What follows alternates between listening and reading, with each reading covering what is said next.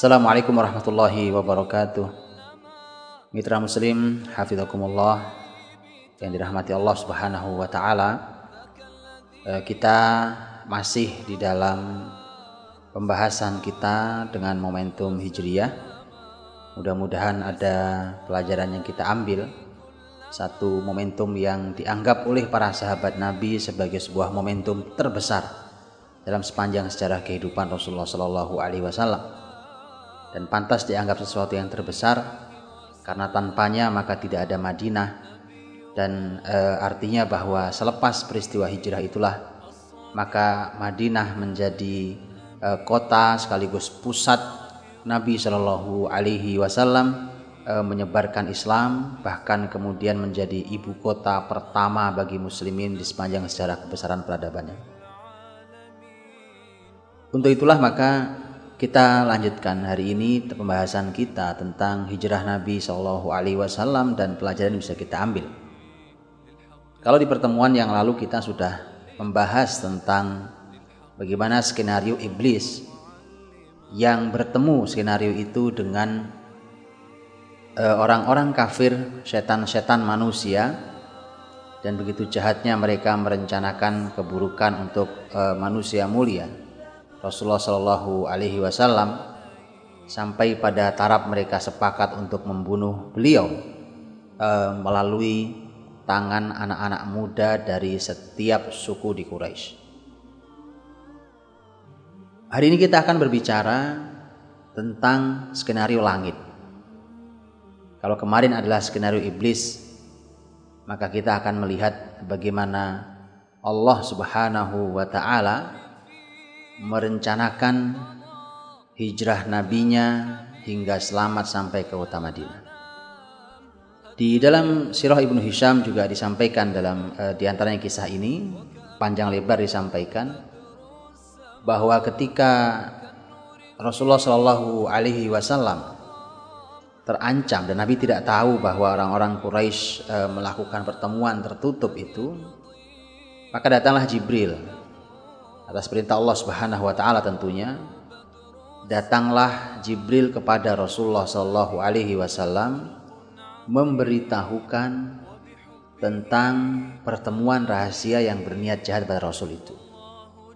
Maka Jibril ikut menyampaikan uh, pesan. Kalimat Jibril adalah jangan kamu tidur di tempat tidurmu malam ini dan ini adalah perintah Jibril di mana itu artinya bahwa Jibril ikut merencanakan sebagaimana iblis pun ikut merencanakan di pihak mereka. Dan dalam sejarah Nabi Shallallahu alaihi wasallam beberapa kali peristiwa seperti ini terjadi. Bahwa ternyata e, begitulah selalu asal iblis ikut datang, asalkan kita dekat dengan Allah, maka kemudian sangat mungkin Allah membantu kita eh, dengan mengirimkan eh, para malaikatnya seperti sebagaimana Allah Subhanahu wa taala mengirimkan eh, para malaikatnya yang membuat iblis lari terbirit-birit seperti yang terjadi pada perang Badar. Di dalam peristiwa hijrah pun demikian. Begitu iblis ikut merencanakan, maka Allah SWT merintahkan Jibril dan tentu siapalah iblis? Iblis hanya makhluk lemah seperti kita, manusia. Maka dari itu dia bukan siapa-siapa. Maka ini perintah Jibril. Dan Nabi Shallallahu Alaihi Wasallam uh, begitu mendapatkan berita siang itu maka Nabi Shallallahu Alaihi Wasallam segera pergi ke rumah Abu Bakar As Siddiq radhiyallahu anhu. Di sinilah perencanaan itu dimulai. Dengan matang Nabi merencanakan dan Nabi Shallallahu Alaihi Wasallam orang yang sangat cerdas dianugerahi Allah Subhanahu Wa Taala ilmu dan kecerdasan. Dan Nabi SAW mampu untuk menganalisa sesuatu gitu, dan kemudian merancang, merencanakan sebuah rencana yang jauh lebih baik daripada makar mereka. E, Rasulullah Shallallahu Alaihi Wasallam datang ke rumah Abu Bakar dan Abu Bakar As-Siddiq berikut satu keluarganya ada Aisyah, ada Asma radhiyallahu anhum ajmain. Ketika Rasul datang waktu itu waktunya siang hari, Nabi datang ke rumah Abu Bakar juga dengan menutupi wajahnya Eh, kemudian Abu Bakar hafal bahwa ini Muhammad Rasulullah SAW. Kemudian Abu Bakar mengatakan, kalau Rasul datang pada jam seperti ini pasti ada masalah keperluan yang sangat besar mendesak. Karena Nabi SAW tidak pernah mendatangi Abu Bakar As-Siddiq pada siang hari, pada jam istirahat. Nabi SAW selalu berkunjung, sebenarnya kalimat Aisyah, selalu berkunjung ke rumah Abu Bakar, kalau tidak pagi, sore hari, kalau tidak sore, pagi hari. Tapi siang hari Nabi tidak pernah datang di siang hari. Begitu datang maka Rasulullah SAW langsung berkata pada Abu Bakar, Akhrij man endak. Kata Nabi, keluarkan dulu semua yang ada dalam rumah. Subhanallah, satu perencanaan bahwa Nabi SAW tidak mau rencana ini bocor kepada yang lain. Maka Abu Bakar menenangkan kata Abu Bakar, ya Rasulullah hanya dua putri saya. Eh, ini adalah keluargamu sendiri, yaitu ada Aisyah dan ada Asma. Maka barulah Nabi SAW tenang karena tidak ada orang lain di rumah kecuali hanya Abu Bakar, eh, Asma, kemudian Aisyah radhiyallahu anhu Rasulullah SAW kemudian mulai menyampaikan bahwa eh, wahai Abu Bakar, saya telah diizinkan Allah Subhanahu wa taala untuk melaksanakan perjalanan hijrah ke kota Madinah. Maka Abu Bakar As-Siddiq langsung paham kalimat Nabi dan mengatakan, Asuhbah ya Rasulullah, apakah ini artinya saya menemanimu? Artinya akulah yang akan menemanimu? Nabi mengatakan iya. Dan di saat itulah Aisyah berkata, kata Aisyah belum pernah saya melihat seseorang menangis karena bahagia kecuali saat Abu Bakar As-Siddiq menangis saat itu karena betapa bahagianya dia menemani Rasulullah Shallallahu Alaihi Wasallam.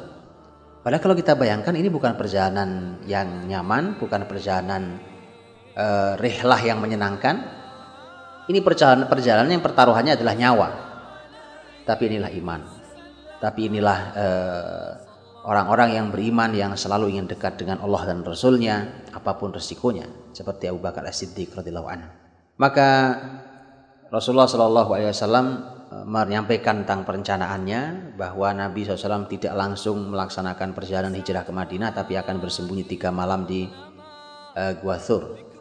Dan saat itulah subhanallah inilah uh, kedekatan antara murid dan guru antara Rasul dan umatnya antara Rasulullah SAW dan Abu Bakar As-Siddiq Abu Bakar ternyata uh, sudah menyiapkan uh, hari-hari sebelumnya dua ekor unta yang dibelinya dan memang sengaja disiapkan untuk perjalanan hijrah ke kota Madinah. Padahal Abu Bakar belum tentu belum tentu tahu bahwa dia diajak Nabi untuk untuk menemani beliau. Tapi dia sudah menduga. Karena Abu Bakar As-Siddiq saat mau hijrah, Nabi SAW melarang Abu Bakar Jangan hijrah sekarang walaupun beberapa sahabat sudah hijrah duluan. Abu Bakar mulai merasa jangan-jangan memang dia diminta untuk menemani Nabi SAW dalam perjalanan hijrahnya. Dan benar, maka begitu Nabi menyampaikan siang itu, Abu Bakar mengatakan, Ya Rasulullah, saya sudah siapkan dua unta, diberi makan yang baik untuk perjalanan panjang uh, hijrah Nabi dan uh, Abu Bakar ke kota Madinah. Dan selanjutnya adalah pelaksanaan perencanaannya. Nabi SAW pulang dan Nabi SAW sudah diminta oleh Jibril tidak menginap di rumahnya malam itu.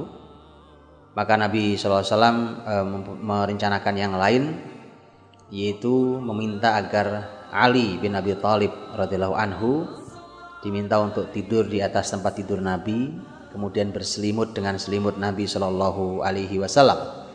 Selimut yang biasa dipakai oleh Rasul ketika beliau tidur Tentu tujuannya adalah untuk mengecoh orang-orang e, musyrik yang mereka berencana mengepung rumah Nabi malam itu e, dan berencana membunuh Nabi Shallallahu Alaihi Wasallam.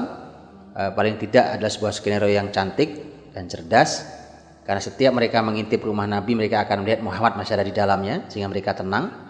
Itu memberi kesempatan Nabi Shallallahu Alaihi Wasallam untuk lari untuk dengan Abu Bakar menuju bersembunyi di Gua. Karena kalau mereka sadar Nabi Muhammad tidak di rumah, mereka segera berpencar untuk mengejar Nabi Muhammad SAW dan Nabi tidak sempat untuk uh, melakukan perjalanan lari jauh. Apalagi kita tahu bahwa padang pasir mudah sekali seseorang melihat uh, karena uh, bisa jadi tidak ada penghalang mata memandang, berbeda dengan ketika orang ada di dalam hutan. Uh, di sinilah uh, Rasulullah SAW uh, merencanakan perencanaannya dengan sangat matang dan cerdas dalam hijrah beliau ketika itu Ali mendapatkan dua perintah dari Nabi SAW. Perintah pertama adalah untuk tidur di tempat tidur beliau dan Nabi memberikan kenyamanan, jaminan. Ini juga keberanian uh, seorang anak muda Ali bin Abi Thalib anhu kata Nabi tidak akan ada apa pun yang menimpamu. Artinya Nabi tenangkan walaupun mereka akan melakukan kejahatan pada saya tapi kalaupun kau penggantiku tidak ada tidak akan mereka membunuhmu. Uh, yang kedua adalah uh, diperintahkan oleh Nabi Shallallahu Alaihi Wasallam agar Ali bin Abi Thalib mengembalikan semua amanah-amanah orang Quraisy yang dititipkan pada Rasulullah SAW. Ini memang aneh. Di mana anehnya? orang-orang Quraisy itu mereka tidak percaya dengan Rasulullah Muhammad Shallallahu Alaihi Wasallam dengan ajaran yang beliau bawa. Tapi beliau percaya pada sosok Muhammad, bahwa Muhammad orang yang jujur, Muhammad orang yang amanah. Kalau mereka punya barang berharga dan mereka merasa bahwa barang ini tidak aman bersama mereka, maka biasanya mereka akan menitipkannya pada Muhammad Wasallam. Memang ini aneh sekali. Mereka tidak percaya dengan ajarannya, tapi mereka percaya pada sosok orangnya yang amanah. Maka Nabi SAW mengembalikan barang-barang itu kepada Quraisy melalui Ali bin Abi Thalib radhiyallahu anhu. Kalau Nabi sudah pergi, maka Ali diminta untuk mengembalikan barang-barang itu kepada uh, para pemiliknya. Saat itulah kemudian Nabi SAW uh, eh, beliau uh, nanti menjelang menjelang masuk malam, maka uh, Nabi SAW rumahnya sudah dikepung dan Nabi SAW saat itu masih di dalam rumahnya. Di saat itulah maka eh, kita tahu bahwa Allah Subhanahu Wa Taala menolong hambanya yang beriman. Karena ketika sudah dikepung tidak mungkin Nabi keluar. Kalau keluar maka mereka sudah siap menghunus pedang masing-masing. Maka Nabi Shallallahu Alaihi Wasallam eh, sebagaimana yang disebutkan oleh para ahli sejarah maka Nabi membaca eh, surat Yasin dengan menaburkan pasir di atas kepala mereka. Uh, dia baca Rasulullah SAW membaca Yasin wal Quranil Hakim dan seterusnya. Uh, sampailah sampailah uh, ayat yang mengatakan waja'alna min baini aidihim sadda wa min khalfihim sadda faghshaynahum fahum la yubsirun. Dan mereka benar-benar uh, uh, tidak bisa melihat ketika Nabi sallallahu alaihi wasallam keluar. Bahkan mereka masih terus menunggu di mengelilingi rumah Nabi sallallahu alaihi wasallam. Sampai mereka diberitahu oleh orang lain bahwa Muhammad uh, eh, SAW telah keluar dan mereka hanya menjumpai pasir ada di setiap kepala mereka. Uh, tentu ini harus dipahami dengan benar bahwa uh, apa yang dilakukan Nabi SAW adalah sebuah mukjizat dan mukjizat sesuatu yang tidak bisa dipelajari. Maka Nabi SAW pun juga tidak bisa mengulanginya di lain hari. Jadi kalau ada yang uh, me menerapkan ilmu ini, maka ini bukan mukjizat, ini ilmu sihir. Karena uh, mukjizat karomah itu tidak bisa dipelajari sehingga supaya kita tidak salah paham eh, karena ada orang yang membaca sirah ini kemudian eh, menganggap bahwa dia pun bisa melakukannya kemudian membuat orang lain buta dan tidak melihat Uh, tentu ini sebuah kesalahan karena sekali lagi bahwa yang disampaikan yang dilakukan Nabi SAW adalah sebuah anugerah mukjizat dari Allah SWT dan itu adalah sesuatu yang tidak bisa dipelajari. Kalau bisa dipelajari maka itu ilmu sihir. Selanjutnya adalah Rasulullah SAW keluar dan langsung menuju ke rumah Abu Bakar As-Siddiq anhu. Kemudian uh, keluar melalui uh, pintu uh, belakang rumah Abu Bakar. Kemudian mereka segera bergegas menuju ke Gua Thur. Nah, posisi Gua Thur itu uh, adanya di sebelah selatan kota Mekah. Padahal Madinah itu posisinya di sebelah utara. Jadi Anda bisa bayangkan harusnya Nabi langsung berjalan ke arah utara tapi Nabi justru berjalannya ke arah selatan menuju ke Gua Thur. Tentu tujuannya adalah untuk mengelabui karena biasanya orang akan mencari ke arah utara semua. Dan Nabi menginap tiga malam di Gua Thur untuk menenangkan keadaan. Seketika mereka terus mencari dan tidak ketemu maka setidaknya suasana sudah sudah lebih reda. Barulah nanti Nabi setelah tiga hari melakukan perjalanan menuju ke kota Madinah. Ini strategi yang sangat cerdas yang Nabi SAW lakukan. Dan uh, selama Nabi Shallallahu Alaihi Wasallam di uh, Gua Thur, Nabi SAW dibantu oleh keluarga Abu Bakar As-Siddiq radhiyallahu anhu. Maka dari itulah hijrah Nabi SAW ini tidak ada yang mengetahui mengetahui kecuali Ali bin Abi Thalib tentu tahu, kemudian Abu Bakar As-Siddiq dan keluarga Abu Bakar As-Siddiq radhiyallahu anhu ajmain. Ini menunjukkan betapa mulianya keluarga Abu Bakar As-Siddiq di mata Rasulullah Shallallahu alaihi wasallam. Mustahil Nabi SAW melibatkan keluarga yang tidak mulia untuk perjalanan yang sangat berbahaya dan mulia ini. Yang terlibat adalah putra Abu Bakar yaitu Abdullah. Kemudian uh, Aisyah sendiri tahu, kemudian Asma. Tapi yang terlibat adalah Asma. Dan satu lagi yang terlibat adalah Amir bin Fuhairah. Ini adalah uh, pembantu Abu Bakar As-Siddiq radhiyallahu. Di mana mereka berbagi tugas dengan sangat rapi dan sangat baik. Fungsi Abdullah adalah Abdullah di setiap siang hari dia berada di Mekah mendengarkan semua pembicaraan orang-orang Mekah tentang Nabi Muhammad dan ayahnya Abu Bakar. Kemudian e, fungsinya Asma adalah menyiapkan makanan e, di mana makanan itu disiapkan e, berikut airnya kemudian nanti dibawa ke Guathur oleh saudaranya. Kemudian fungsi Amir bin Fuhairah, pembantu Abu Bakar adalah dia menggembalakan kambing milik Abu Bakar dan kambing itu dibawa sampai ke Gua Thur kemudian dibawa turun lagi. Fungsinya di antara fungsinya menurut para ahli sejarah adalah e, fungsinya adalah untuk menghapus jejak kaki Abdullah e, karena perlu diketahui bahwa orang-orang padang pasir sangat cerdas dalam membaca jejak kaki maka eh, dengan itulah terhapus dengan diinjak-injak oleh kaki kambing. Semua dijalankan dengan sangat baik, dengan sangat matang dan terencana dengan sangat baik sampai kemudian Rasulullah SAW dan Abu Bakar As-Siddiq anhu eh, dari Gua Thur itulah kemudian di eh, setelah tiga malam eh, beliau menginap di sana maka kemudian datanglah orang yang telah disewa oleh eh, Abu Bakar dan Rasulullah SAW yaitu uh, Abdullah bin Uraikid di mana Abdullah bin Uraikid adalah uh, uh, seseorang yang berasal dari Bani Dual di mana dia aslinya orang musyrik. Tetapi dia adalah orang musyrik yang tidak peduli dengan agamanya uh, dalam arti bahwa yang penting buat dia dia disewa mendapatkan uang dan selesai sehingga dinyatakan aman. Dan dialah orang yang sangat paham jalan-jalan tikus kita menyebutnya yaitu jalan-jalan kecil bukan jalan besarnya dari Mekah menuju ke kota Madinah.